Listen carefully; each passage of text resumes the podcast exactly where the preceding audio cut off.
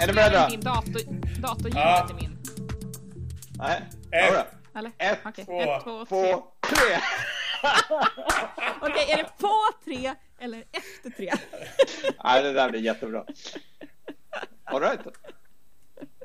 Okej, så eh, välkomna till Avkodat podcasten. Specialavsnitt om att arbeta remote kan man väl eh, lätt kalla det här för, för det är det vi har gjort nu under ett antal veckor.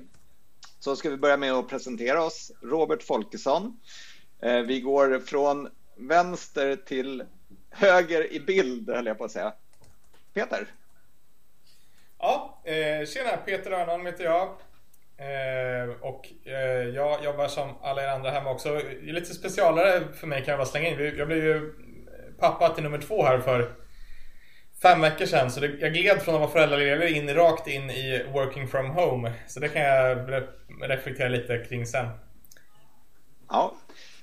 Och sen har vi, jag, jag sa från vänster till höger, men det får bli från vänster till snett uppåt i bild för min del. Chris. Ja, hej, Chris Klog här. Det är, det är lustigt med från vänster till höger för det stämmer inte på min skärm överhuvudtaget. Så jag tror det beror på när man connectade sig. Och, Kompli komplicerat att jobba hemifrån. och sist men inte minst, Cecilia Wirén.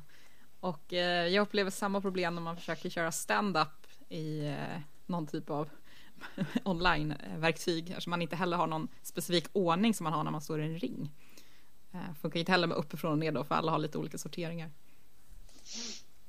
ja, ska, vi- ska vi börja lite grann med att bara ta en, en reflektion då? Försöka ta en reflektion runt bordet, vad vi har för lite olika situationer som vi sitter och jobbar med. Jag menar alla vi fyra jobbar ju i dels med olika projekt och sen så har vi olika interna möten naturligtvis som vi försöker köra. Men eh, Peter, hur, hur, hur ser din situation ut och din, din sättning?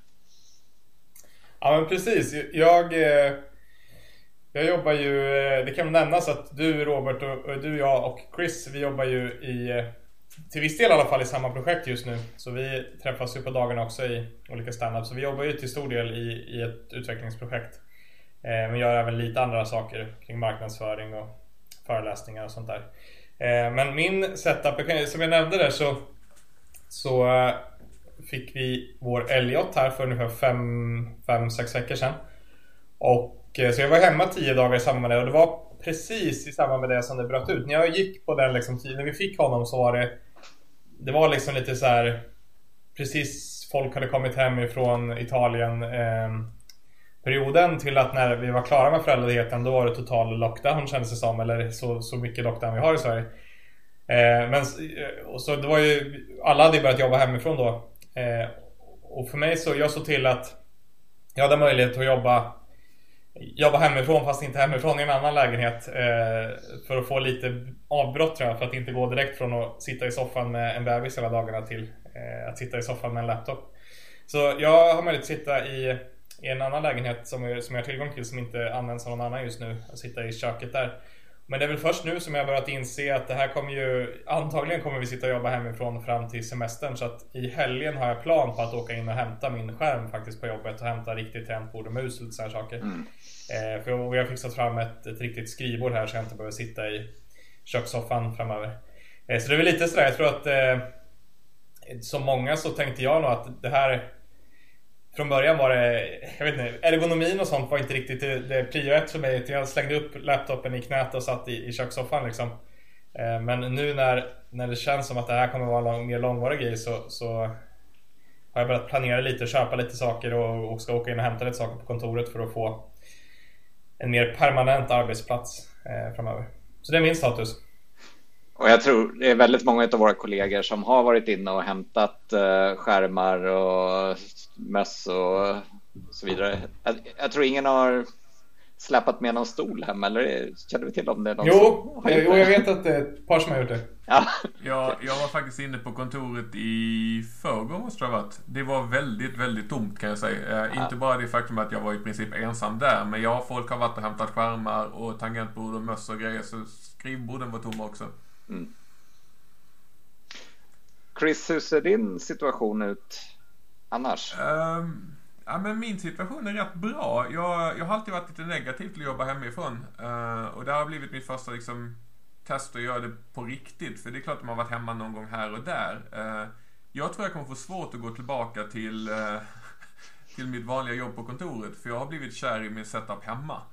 För jag, eh, jag passade på i höstas eh, av olika skäl att köpa en seriös arbetsstation hemma. Eh, satte upp ett ordentligt skrivbord, skaffade värsta jätteskärmen Allan eh, och sådär. Så att jag trivs rätt bra. Jag känner att prestanda på min hårdvara är bättre. Jag är helt okej okay med att sitta själv. Det som väl det som väl är tråkigt är att man missar sådana saker som jag glömmer ofta att käka lunch och, och sådär. Så sitter man och jobbar igenom lunchen istället. Det är väl mitt största problem. Och sen så googlar man jättekonstiga hårdvaruprylar. Alltså, jag har ju aldrig tidigare googlat mickar, så jag måste gå och köpa en ny mick. Eh, och sen igår så kom jag fram till att jag behöver fler skärmar för att kunna göra lite bättre streaminglösning. Så behöver jag förutom min så här 3210 ultra wide skärm så behöver jag lite extra skärmar. Så jag, jag ska gå och köpa lite lustigt nog Android tablets. För jag hittade mjukvara mm. för att använda Android tablets som externa skärmar. Så vill man ha en mm. liten extra skärm eller två till sin dator så är det en rätt smutt lösning. För jag vill bara ha lite, två stycken små 12-tummare som står under min vanliga skärm. Och då kan man köpa liksom en, en eller ja, 10 tum blir det, eh, Android-platta och sen använda det som mm. extern skärm. Så att jag ja. sitter här och micklar med min eh, setup hemma och trivs jäkligt bra måste jag känna. Ja. Eh, men ni är bara tre stycken hemma hos er, inklusive katt? Ja, inklusive, ja, det är ju det största problemet. Jag, jag kan erkänna, det är, ja, jag har bara min fru som i och för sig är hemma just nu och potentiellt dessutom är smittad. Uh, men jag har en katt och underskatta aldrig en katt som pratar. Den är på väg ut från balkongen vilken dag som helst och jag bor på fjärde våningen. Okay. Min fru är inte riktigt lika glad men, eh, för, för, för det uttalandet, men det får hon ta. Jag har sett flera på, jag har sett flera på Twitter som eh, när folk ursäktar, ursäktar sig över sin katt så säger de bara No, no, no, we want more cats in our meetings. det, det är kanske okej okay när man har en katt som är gullig och kommer och säger hej någon gång ibland. Inte en som går runt och bara Bara för ljudets skull liksom. Jag såg, på tal om eh, sidospår här, men på tal om djur eh, och videokonferensmöten så såg jag igår en artikel om att jag tror det var typ någon djurpark eller någonting som har liksom tappat besökare. De har nu erbjudit sig att om man så här, till sin, om man vill typ liva upp sin workshop eller företagsmöte så kan man köpa med att de, de kopplar upp sig i samtalet och går runt bland getterna typ. och liksom, så får man en get i sitt konferenssamtal. Jag, jag tror det ingick upp till typ sex getter eller något i grundpaketet. ja, det var ju kreativt. Det är en mening jag aldrig trodde jag skulle höra. Det ingick upp till sex jätter i grundpaketet. ja. Uh, Cecilia, ni är lite fler hemma hos dig vanligtvis. Ja, både och egentligen. Jag har ju två små barn och en man som huserar här. Men eh, de är så pass små så de är ju inte hemma vid på dagarna och min man jobbar. Så att jag sitter ganska själv, förutom på fredagar för då har vi då är det stängt för den eh, omsorgen jag har för det minsta barnet. Eh, men eh, jag är ganska van att jobba hemma. Jag pendlar ju ganska långt, så jag brukar passa på att jobba hemma en, ibland två dagar i veckan. Så jag har redan sedan tidigare en hyfsat bra setup med skärm och bra stol och eh, tangentbord och mössa och sådär. Men eh, jag är inte van att jobba liksom konstant hemifrån. Jag tror att den längsta perioden jag jobbat hemifrån har varit så här tio dagar eller något när det var något jätteproblem på tågrälsen och det inte gick att köra några tåg. Men, men så även jag har börjat eh, hotta upp min arbetsstation. Bland annat eh, så ska jag ta skaffa mig ett höj och sänkbart skrivbord. Det har jag inte besvärat mig gjort förut. Jag ska flytta min arbetsplats. Just nu så har jag, sitter jag ute i hallen i källaren, vilket är ganska bra för att källaren använder vi inte dagligvis. Så att jag sitter ju fred när, när resten av familjen är hemma, antingen för att det är fredag eller för att det är vab. Men jag ska fixa liksom en mysigare hörna i, i ett rummen här nere så att det blir liksom så här, åh, oh, gud vad mysigt att sitta här och så man liksom trivs. Mm. Eh, inte att jag sitter liksom nu bland eh, lite så här, ska ner i källaren och sorteras in. Det står någon eh, brandsläckare, någon gammal dator dator som jag har servat och sådär. Så att det blir lite snyggt och städat, mysigt, lite, ja, men lite stylat hörn. Så det blir så här lite coolt office. Det blir en cave liksom. Ja, precis. Schysst. Ja, själv är jag ju förvisad till, jag sitter i min sons rum för han har ändå ett eh, halvschysst eh, skrivbord, eh, så, så okej okay, arbetsyta. Men eh, vi har ju då varit jag, min fru, eh, mitt äldsta barn, min, min dotter som går på gymnasiet som kör allting hemifrån.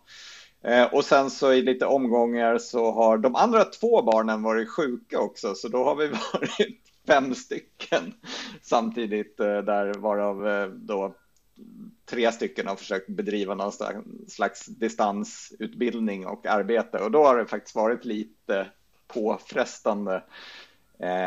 Men det fungerar ändå hyfsat. Men just det när jag känner igen det här med ergonomin har jag ju fått lida lite grann känner jag nu så att mm jag sitter inte riktigt bra så jag börjar känna av lite musarm till exempel. Mm. Eh, och det, ja vi får väl se. Det, det, det är väl inte helt omöjligt att eh, sådana typer av arbetsrelaterade skador om något år kommer skjuta i höjden lite grann tror jag.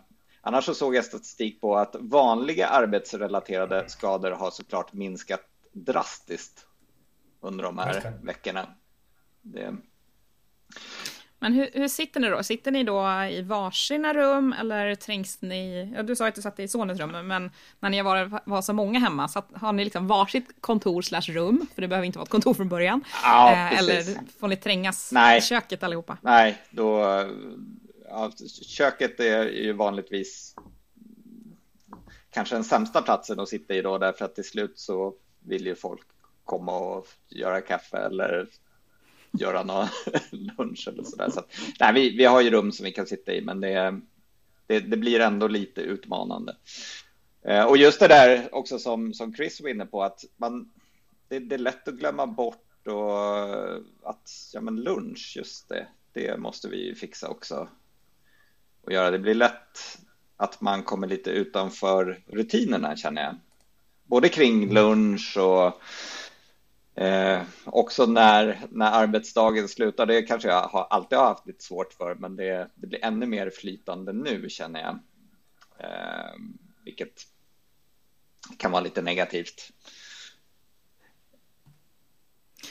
Där har jag, har jag i alla fall kommit fram till, till en lösning. Just det där med att, som sagt, det är väldigt svårt att veta till lunch för att det, man har inte arbetskompisar runt sig som stökar och bökar om att det är lunch eller bara sånt som, som att ta de här små korta rasterna. Eh, vi brukar inte ha uttalat att ah, klockan tio är det rast, utan det är ju mer så här, man, folk börjar röra lite på sig, man går och hämtar lite kaffe, ja men då går jag också och hämtar kaffe och man, har, man blir lite småstörd, någon ställer någon fråga eller slänger ut någon rolig kommentar eller sådär.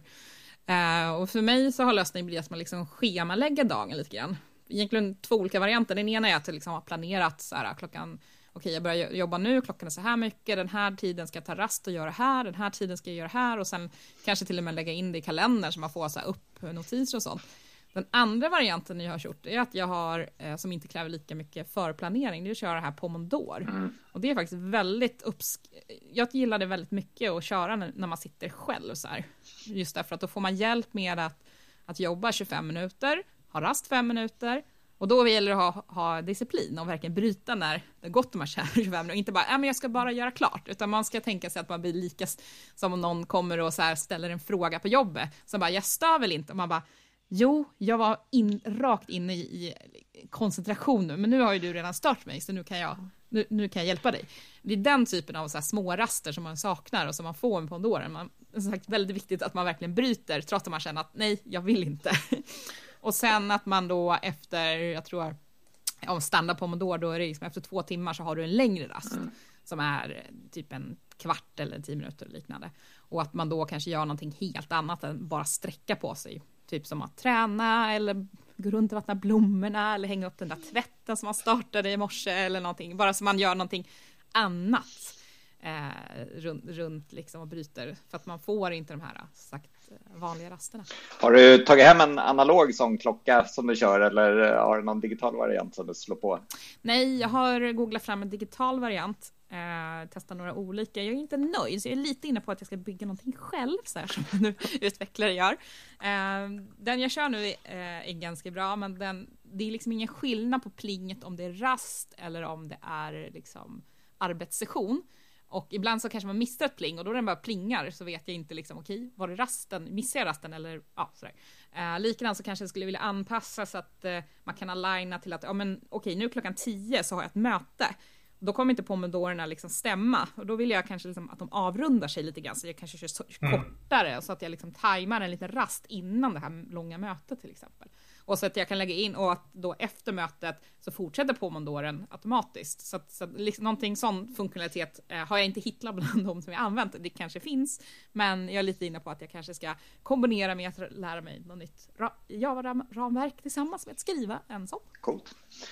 Jag såg någon tweet igår om ett amerikanskt företag som tyckte att ja, men de hade lite problem med det här med att eh, deras personal bara jobbade hela tiden och liksom inte åt och så där. Så de hade uppfunnit någonting som de kallade för power break som de var extremt stolta över att de medgav att eh, deras eh, anställda fick ta en timmes rast. Och kommentaren på det var Wow guys, you invented a lunch break.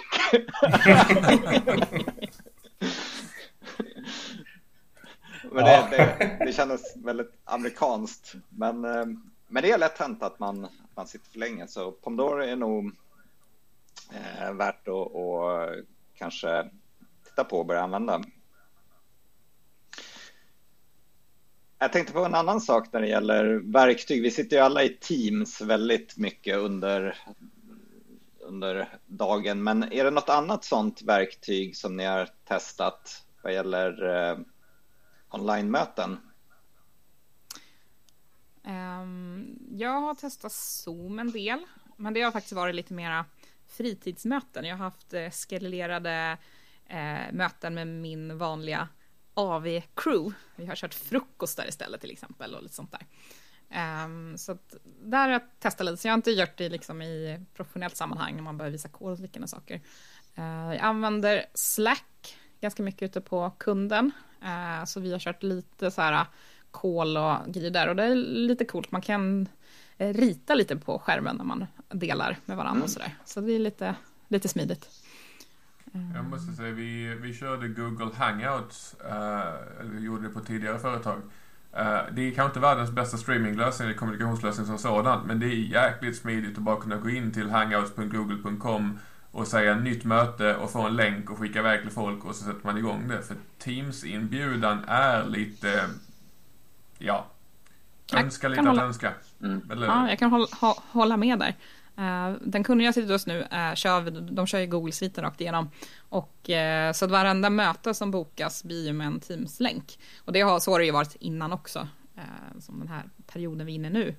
Eh, och det har också varit en väldigt bra kultur om att man startar alltid mötet. Så att eh, liksom, om någon råkar vara på länk så kan de alltid ringa in. Så det har varit en väldigt bra kultur. Så det har gjort det väldigt mycket enklare för, för oss att komma in det på den här arbetsplatsen. Att alla är vana att starta upp de här bitarna. Sen har inte alla varit så vana att själva jobba hemifrån. Men alla är vana att någon i teamet brukar jobba hemifrån.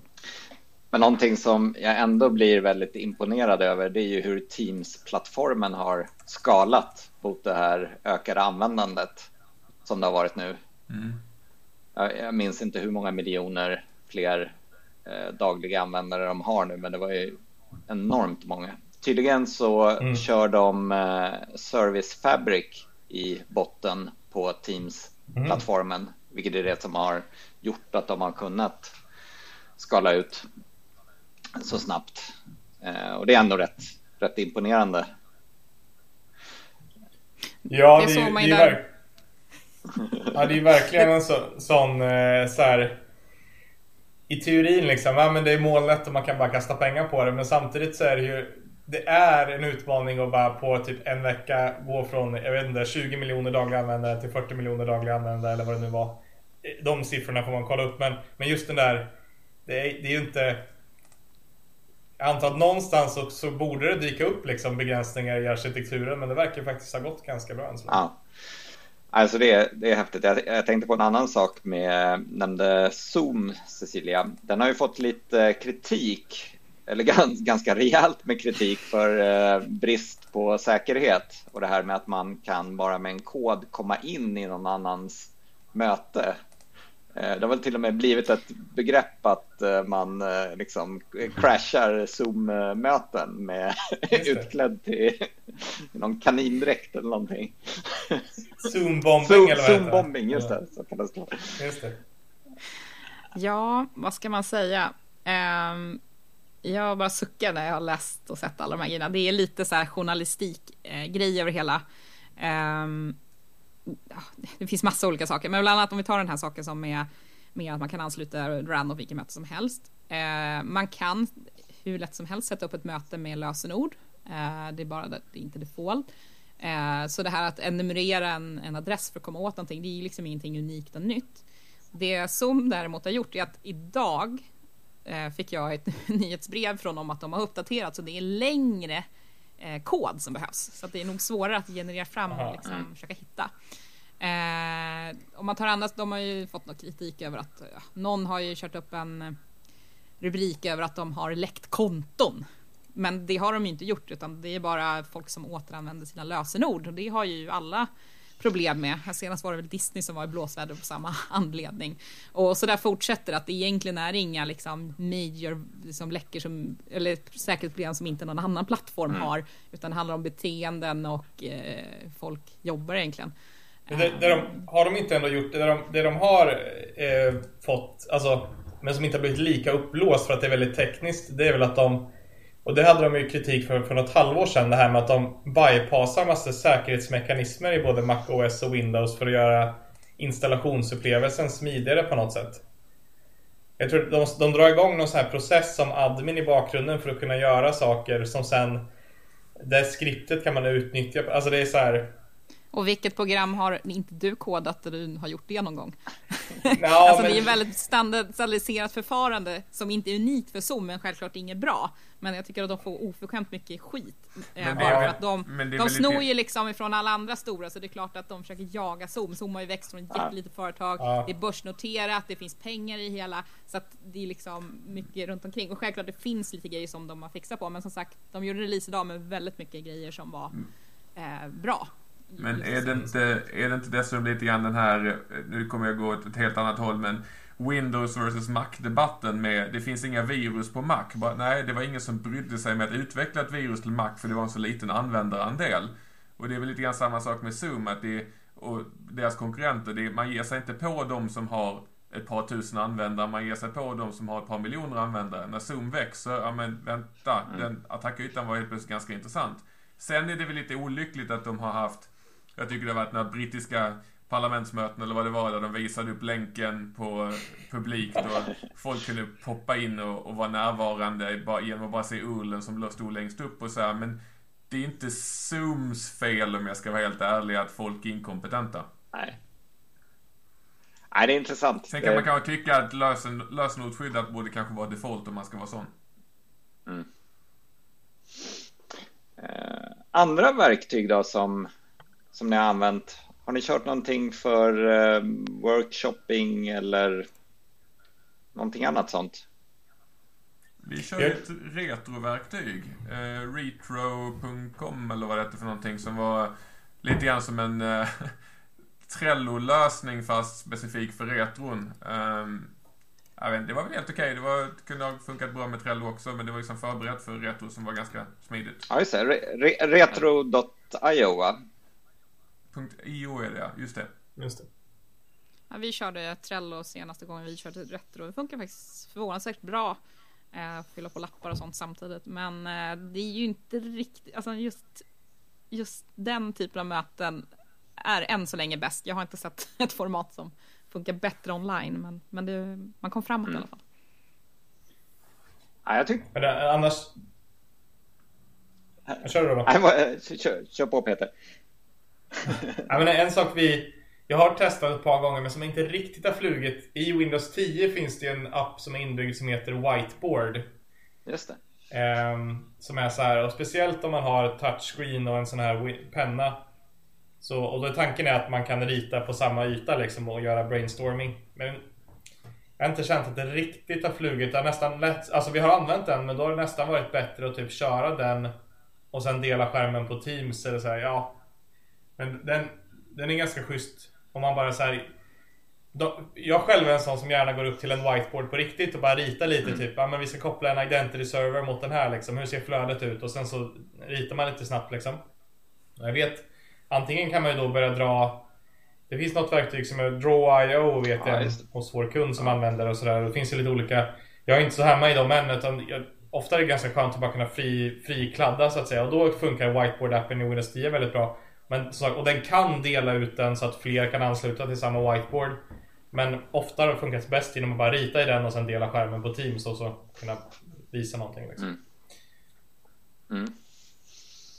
Vi har ju ett annat, ett annat verktyg som jag, jag personligen gillar tekniken bakom. Det är ju LiveShare. Uh, att kunna ja, sitta och dela just. kod och, och, jobba tillsammans. Men jag, jag har konstaterat att det är en gullig idé, men den funkar inte alls i mitt huvud. För att när jag vill sitta och parprogrammera med någon så vill jag ju att en person sitter och skriver men båda sitter och tittar på samma kod. Medan LiveShare mm. är ju mycket mer idén av två personer kan sitta och jobba i samma kodbas. Det är inte riktigt samma sak som mm. man kan sitta och säga, ah titta här, eller om jag skriver så här. Utan mm. vi har ju faktiskt fallback att dela skärm. Fast, fast jag tycker det har funkat ganska bra när jag har eh, varit med och, och vi har kört liveshare som skillnaden med, med vanlig parprogrammering är att man kan faktiskt skriva samtidigt. Det blir mer liksom flytande vem som kör. Man kan väl också ställa in att man eh, gör follow på den andra. Ja. Eller att man styr själv. Du... Och det är det, du kan, ju, du kan ju se vad personen skriver och liknande saker, absolut. Men jag tycker, när vi har suttit och programmerat mycket nu så är det liksom man, man pekar med musen och bara, men kolla här, om jag tittar här mm. och så gör man mm. olika saker det följer inte riktigt med i liveshare i min värld. Jag tycker konceptet är bra, men det känns som att så som vi, jag jobbar med det så, så funkar det sämre än att dela skärm bara. En, en grej som vi gjorde en grej som vi gjorde, jag och Fredrik som också är med i vårt team, som, som vi har tappat lite faktiskt. Eh, precis i början så körde vi en kombination av att på min... Eh, Fredrik var den som liksom hade, vad ska man säga, drev, eller han, han hade koden på sin dator så att säga. Eh, och så del, körde vi Teams-möte där han delade skärm och då tog jag min iPad och ställde som en extra skärm och kollade. Så då såg jag liksom hans skärm hela tiden. Så om vi tog upp typ Stack Overflow eller han pekade på någonting, då kunde jag se det på iPaden. Och så körde vi live-share på min laptop. Mm. Så då kunde jag på laptopen sitta och bläddra kod och liksom kolla i andra klasser och om jag ville skriva någonting.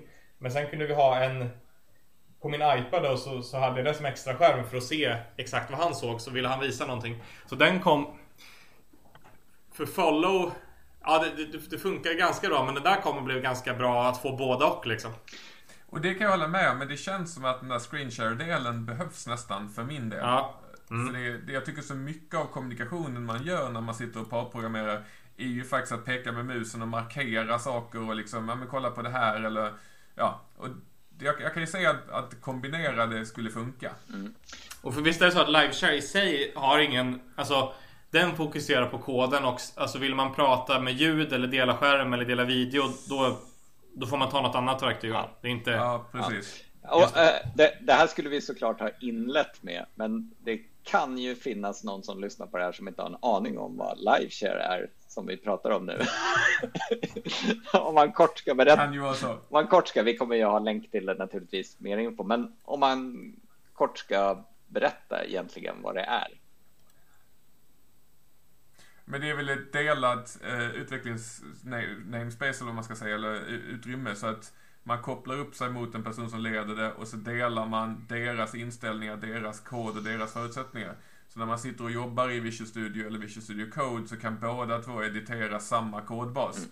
Och som jag uppfattar det, så om jag jobbar med Peter till exempel och Peter startar liveshare-sessionen så är jag i jag är i hans miljö och pillar. Så jag skriver i hans kod och ser var han jobbar och han ser var jag jobbar någonstans. Så att man är två personer som kan jobba i samma kodbas samtidigt eh, och därmed i teorin vara mer produktiv. Mm.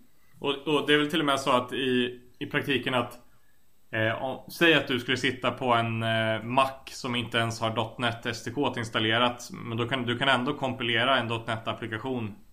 För att det görs egentligen på min dator och så skickas resultatet över till din dator och så. Precis, till och med när du startar debug så tror jag att debug-sessionen kör väl egentligen på den nej, startdatorn så att säga. Och sen så Exakt. attachar man till den. Så det är, det är en ganska skön idé och jag kan ju se hur det här i dagsläget så är det mellan att man kan ansluta, ansluta sig, sitta två personer och koda, men det är uppenbart att det också är grunden till deras framtida workspace i, i, i molnet-lösning med att man startar ett, ett kodrepo i Azure och sen attachar det på, med LiveShare, även om man bara jobbar själv. Men det är ganska schysst idé. Det, men finns inte det i live redan i Wish? Jag har testat den, Visual Studio Online Ja. som det heter va? Och jag, och jag tror att den bygger helt och hållet på uh, LiveShare i grund och botten. För det är, Ja. de sätter upp en maskin åt dig och startar ett nej, workspace och sen ansluter man till det workspacet. Så det är en ganga bra idé för det innebär att alla installerade plugins och liknande saker ligger på ett ställe. All kod, alla versioner, allting ligger i det eh, Mm. sharet så att säga. Så man skulle Oj. teoretiskt sett kunna ha ett sånt för varje kund om man är konsult och inte behöva bry sig om versionsproblematik och liknande. Jag, lä- jag läste något snabbt. Det här är, får man ta med en nypa salt i detaljerna. Men det var någonting i stil med att, att det här funkar ganska schysst Visual Studio Online. Det är att till exempel i VS Code så har de gjort någon slags refaktorering. Att själva UI är väldigt separerat mot själva motorn underliggande på något sätt. Så du kan till exempel köra Visual Studio Online då i din webbläsare. Och sen så har de ett liksom proxylager som egentligen bara proxyar vidare alla anrop tillbaka till någon server någonstans och kör det underliggande. Sen kan de köra tillbaka det till klienten liksom. Och det är att du kan connecta en eh, uh, Visual Studio Online. Och det är precis som du säger. Jag läste ett sånt use case som de pitchar för att ska du ha en fully featured Windows-miljö och alltihopa så kostar det en del liksom. Alltså det är inte, inte alltså, och man får väl någon maskin med i sin MSDN tror jag, men det, det kostar ändå en del att köra en, en fet utvecklingsmaskin med alla Windows-prylar och alltihopa. Men som de, jag tror ett use case där det ändå kan betala sig var så här. Ja men du har en massa legacy-projekt med 71 olika setups och du är så här.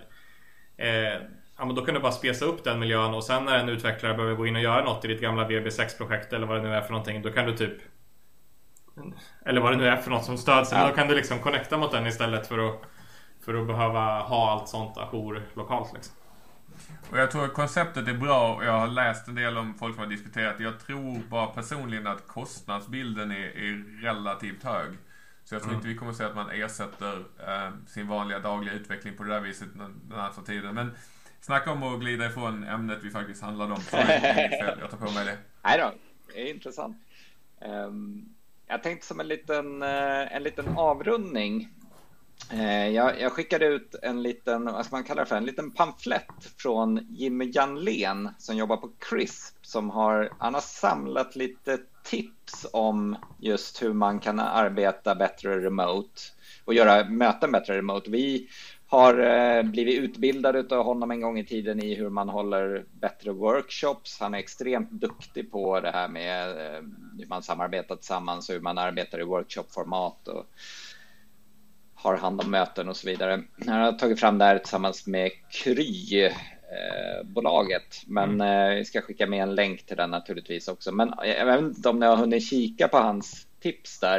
Det var ju lite blandat även eh, kring eh, sånt som vi har varit inne på, att man ska försöka ta riktiga lunchpauser eh, till exempel. Eh, han har också lite tips om det här med att det ska kännas som man verkligen går till arbetet, att man eh, sätter alarmet på samma tid och äter sin frukost och till och med eh, fejkar lite grann att man pendlar och man brukar göra det. Man ser den där bilden framför sig med någon som står och håller i duschdraperiet för det ska känna, kännas som pendlingen. Men ehm, var det någonting där som ni eh, kände var extra bra ni har hunnit kolla på den? Ja. Kör du. Jag tror att, jag tror att det är alltså, online-mötesdisciplinen tror jag är någonting som jag skulle vilja repetera för många. Eh, det är väldigt lätt när man sitter vid datorn att börja göra andra saker på datorn eh, och inte lyssna, inte vara med. Bara, ja, men jag sitter och kollar och det märker man själv om man börjar sitta lite bara shit vad var han sa nu? Att liksom inte starta några andra program, stänga ner alla notiser kanske till och med, ta bort telefonen och vara liksom lika närvarande som är i ett vanligt mötesrum. Att man inte kan sitta och fippla en massa andra grejer. Om det inte nu råkar vara så att man är med på ett timmes möte fast egentligen bara har någonting att komma med under tio minuter. Men då kanske man inte behöver vara med på hela mötet. så. Men att, att, att liksom, det är inte lika lätt att kontrollera liksom, mötesdisciplinen och delarna. Och där, där har ju Zoom en bra funktionalitet faktiskt. Den, den talar om för eh, att man switchar program. Så att om man liksom inte är, har Zoom aktivt så syns det. Mm. Uh, och det känns ju, det är självklart folk som kritiserar det också, men uh, det är ju en ganska bra grej för det är ju någonting man har i det fysiska rummet, att man ser ganska väl om någon sitter och skriver och knappar på datorn och inte verkar lyssna eller sitter och meckar med telefonen uh, och sådär. Så att, ja, lite mer till mötesdisciplin skulle jag vilja liksom trycka på så jag tycker är extra bra. Sen de första grejerna som handlar mycket om eh, ergonomi och platsen och lite sånt där, det är ju, det är ju sånt som vi har pratat och man kanske själv har insett ganska mycket och det här med att hämta grejer från kontoret det skulle jag verkligen uppmuntra alla att göra om man inte har bra grejer hemma för att de står ju bara där. Eh, den kunden jag sitter hos just nu, där har man verkligen tryckt på, på att, att hämta och låna grejerna från kontoret. Liksom. Mm. Jag får en idé där till en vidareutveckling av det där konceptet med att upptäcka om man är ouppmärksam. Det är ju med hjälp av cognitive services att läsa av med kameran och se om man börjar se, man börjar se uttråkad ut eller, eller kolla på någonting annat. Ja, det vore något. Men Nej, som sagt vi får ta med länken till den här. Den innehåller en del eh, bra tips och även kring de här lite mjukare delarna som också att liksom mm. fika tillsammans och försök eh, kanske ta in de där jätterna som någon liten paus, pausunderhållning, men att, att göra det för att det, det, det har jag märkt också att man blir trött efter att ha suttit en hel dag i sådana här möten. Man kanske har suttit med mm. hörlurar också en hel dag. Eh, det det, det, det är lite speciellt sätt att arbeta. Det blir väldigt intensivt om man sitter så en hel dag. Man ska inte underskatta det där med hörlurar. Alltså jag, jag försökte förklara det för folk när jag spelade in Pluralsight videos. Att sitta åtta timmar om dagen med noise cancelling hörlurar på sig och dessutom ha feedback i det fallet med sin egen röst från, från micken. Det, det låter skumt men det fullständigt förstör ens huvud. Ja. Uh, jag har försökt att inte slå på uh, noise cancelling-delarna i mina hörlurar medan jag sitter själv. För det, det vita ljudet, det lilla vita bruset som slår igenom hela tiden gör att man blir helt slut i skallen. Mm. Du menar till skillnad mot den här rösten, den andra rösten som är i huvudet hela tiden? ja, jo. För, för oss som har, har, andra röster också så är kanske det är skönt att drömka ut dem med något annat. Men inte noise cancelling hörlurar. Ja. En, en, tanke där, man kanske ska, normalt sett när man har möte på kontoret, då blir det ju en liten break, man går och tar en kaffe, man sträcker på sig. Jag antar att de flesta inte tar en break innan mötet som man ska göra online. Det kan, kan vara bra att klämma in en fem minuter bensträckare, gå och hämta kaffe, jag göra lite samma, mm. liksom ha någon rutin innan sitt möte. Likadant är det om man har back-to-back möten på kontoret, ja, den slutar tio, nästa börjar tio. Eh, så tar man ju ändå någon typ av lite mini-break där man liksom rör sig emellan, man springer på toa eller någonting medan det är inte mm. liksom accepterat att komma för sent till digitalt möte. Så att, att man liksom går någon minut tidigare från det digitala mötet för att kunna liksom ja, gå mellan mötena tror jag kan vara ganska smart också. Man kanske tar ett möte i vardagsrummet, ett möte i köket. ja, och det kan jag också tänka mig att man, om man inte har ett alltför långt möte, så gå ut i köket, eh, dra fram strykbrädan, ställ den på högsta höjden och sätt datorn på brädan och ta mm. mötet stående.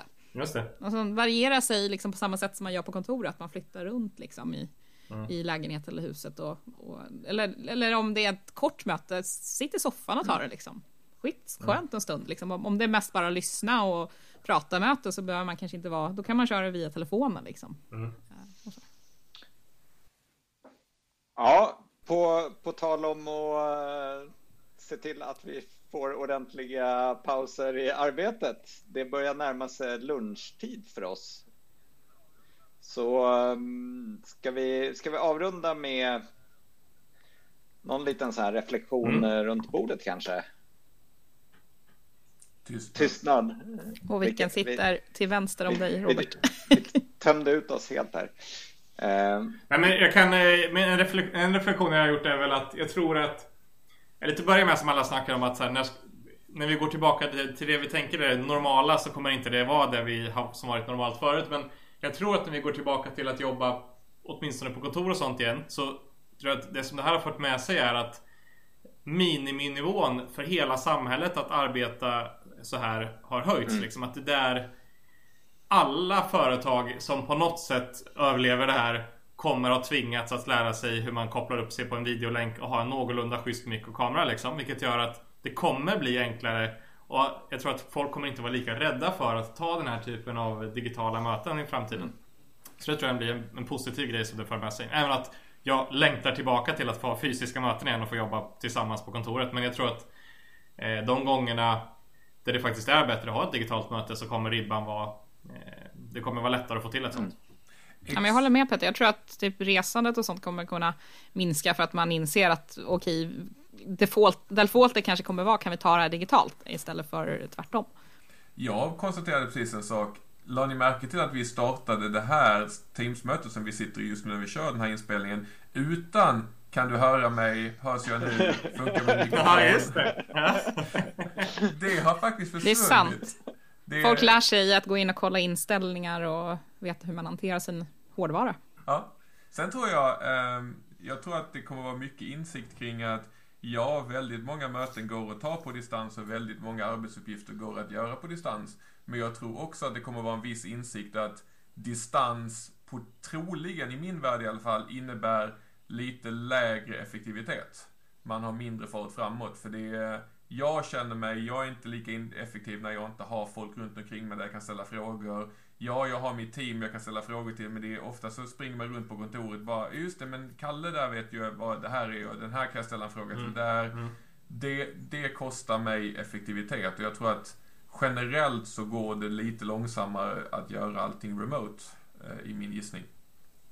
Jag, kan flika, jag var förbi kontoret för ett par veckor sedan och bara hämtade mina noise cancelling-lurar och lite sånt på tal om det. Men, men då var det ett annat team som hade, ja ah, du här, du har ju jobbat med eh, eh Power BI. Kan du bara kolla att vi, vår arkitektur ser rätt ut? Och så la jag tre minuter på det. Och då var det lite så jag fick den där, det här saknar jag liksom, cross-team grejerna där man, man kanske inte så det, det, det spontana liksom, prata mellan teamen grejen tappar man lite när, när det krävs att man sätter upp ett teamsmöte för att få till en sån fråga. Liksom. Men där, där tycker jag ofta ändå Slack är räddningen i det. Ja. Där, där, där har vi ju förmånen att kunna skjuta iväg en fråga på Slack och man vet att vad, vad än är, är nästan för märklig obskyr grej så är det alltid någon som, som har någon bra idé eh, vad man kan kolla vidare på. Mm. Jag kan nästan tycka tvärtom eh, att det är effektivare nu hemma för att eh, jag som ändå jobbat hemma lite förut, eh, det var ganska tråkigt de dagar man gjorde det för att man var lite avskärmad resten av teamet. Nu är hela teamet remote så att diskussionen måste ske online. Mm. och annars så var man ju liksom Annars så antog man ju säkert att vissa grejer diskuterar, när det uppstod fel och grejer så insåg man, ja, men nu sitter de och diskuterar, jag får inte vara med. De frågar bara mig om de tror, om de tror att jag har någon input. Så det har ju blivit, vi, vi, våran kanal som vi använder hos kunden, det är ju helt galet mycket och som tur är så har vi duktiga med trå, hyfsat duktigt med trådar och sådär, för annars hade det varit helt omöjligt. Uh, vi hade lite incidenter igår och någon tråd var ju liksom eh, 150 inlägg liksom, där vi diskuterade lösningar och vad som var problemet och så vidare. Uh, och det skulle aldrig skett om bara jag jobbade hemma, då hade de skött det på kontoret och jag hade varit utanför. Um, så på det sättet tycker jag att det är effektivare för att det går bättre att jobba hemma. Uh, och sen, jag, jag, kan tycka att de här småstörningarna som är bra, för man får lite pauser, uh, de försvinner ju så att man kan jobba mer fokuserat. Men jag håller med Peter, om de här cross-team-grejerna eh, försvinner. Men min verklighet just nu är att jag sitter ute hos kunden, så vi är bara ett team. Så vi har inte den naturliga cross-team-möjligheten. Så det beror lite på vad man har för verklighet annars.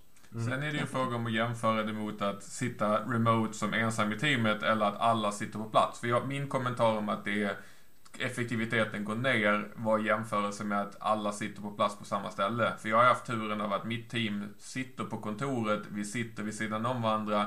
Det är jättelätt att bara vända sig om. Eller det är jättelätt att, just det, den där prylen vet jag att X har jobbat med, jag bara går och ställer en snabb fråga. Eh, ja, det går att göra på Slack, men det går långsammare och det tar längre tid att få svar på det viset än att bara gå över och ställa frågan. Det andra som jag hoppas blir lite positivt är det att det faktiskt ifrån chefer och ledning blir en mera positiv syn på att jobba hemifrån. Eh, det finns ju många företag som är ganska rest, rest, eh, begränsade över att, att jobba hemma. Ja, men om du absolut måste få jobba hemma, som har varit liksom synsättet. Nu när man har liksom mer eller mindre tvungen att skicka en personalen och de ser att det faktiskt funkar så kanske man släpper på kravet att ja, men du bör vara på kontoret till att eh, du är ja, lite mer 50-50. Det är vad jag hoppas, så att folk som vill jobba hemifrån eh, med större utsträckning kommer kunna få göra det. Men det är frågan är hur länge det håller, för jag tror ju att lite, lite tråkiga gamla griniga gubben tror ju att när vi kommer tillbaka från det här så kommer vi fortsätta vara duktiga med att se till att ja, men vi kopplar upp oss och har ett online-möte för Kalle är hemma just nu. Men sakta men säkert så kommer det bli att man, tror jag, att man glömmer bort den online-grejen och så är man tillbaka till hur det var innan vi hade det här. Även om vi kanske har ett lite mer tänk. Så att kanske, kanske inte. Jag är, jag är tveksam. Ja. Kan halvt hålla med. Jag tror att det handlar om längden. Alltså om det här är slut före sommaren, vilket jag personligen inte tror att det är, Framförallt om man tillhör riskgrupp eller har någon släkt eller har en närstående som är riskgrupp, alltså hemma. Eh, då kommer man behöva vara hemma troligtvis efter sommaren också. Eh, och eh, personligen så, så och, och, på det sättet, alltså om det skulle hålla i sig eh, mycket längre så, så det behövs ju liksom en längre tid för att folk ska ändra, ändra beteende. Det håller jag med om. En kort ja. tid, då går man tillbaka till det som var förut. Men om det nu håller i sig en längre tid här, då tror jag att det kommer liksom slå massa olika förändringar i hur hela samhället fungerar egentligen på det hela. Och det är ju spännande att se. Jag tror att, eh, personligen tror jag att vi bara början av det som, som händer just nu. Eh, vi är fortfarande på väg uppåt och eh, vägen, vägen och vägen ner tillbaka är lång. Ja. Jag, jag, tror inte vi klarar innan sommaren heller. Jag tror, har vi har tur om vi klarar till nästa sommar om jag ska vara helt ärlig. Ja, jag, nu ska man inte säga det här som inspelat, men jag tror att eh, det kommer diskuteras ganska friskt om hur vi ska fira jul i år. Eh, ja, jag måste säga att jag, jag, är lite inne på Peters linje där att jag tror att de företag som förstår hur man ska utnyttja digitaliseringen för att eh, kunna arbeta så effektivt som möjligt i framtiden, det är de som kommer att överleva. Det, det, det är lite, jag tänkte dra en parallell till vi hade Barry O'Reilly som pratade om anti-fragile design hos oss genialisk utbildning i hur man bygger system som är mer motståndskraftiga mot olika typer av stressfaktorer.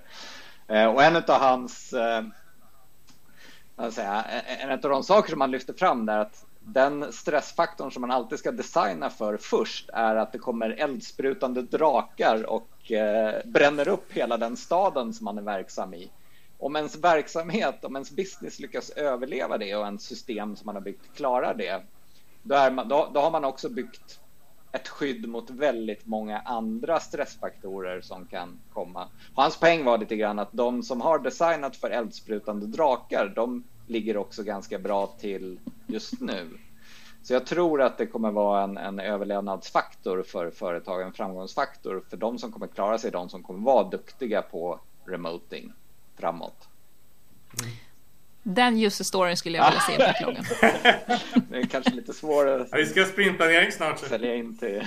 vi ska sprintplanering. As a fire breathing dragon I should not be able to.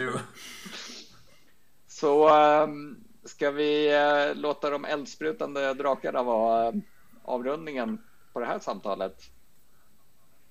Det låter det jättebra. Jag. Stort tack till er och stort tack till eh, er, dig, du som har lyssnat på oss också. Hoppas att eh, vi kunde ge några tips i alla fall kring eh, hur man kanske kan arbeta mer effektivt remote. Och eh, som sagt var, länkar för avsnittet finns som vanligt på avkodat.se. Så eh, till eh, nästa gång, ta hand om er. Vi hörs!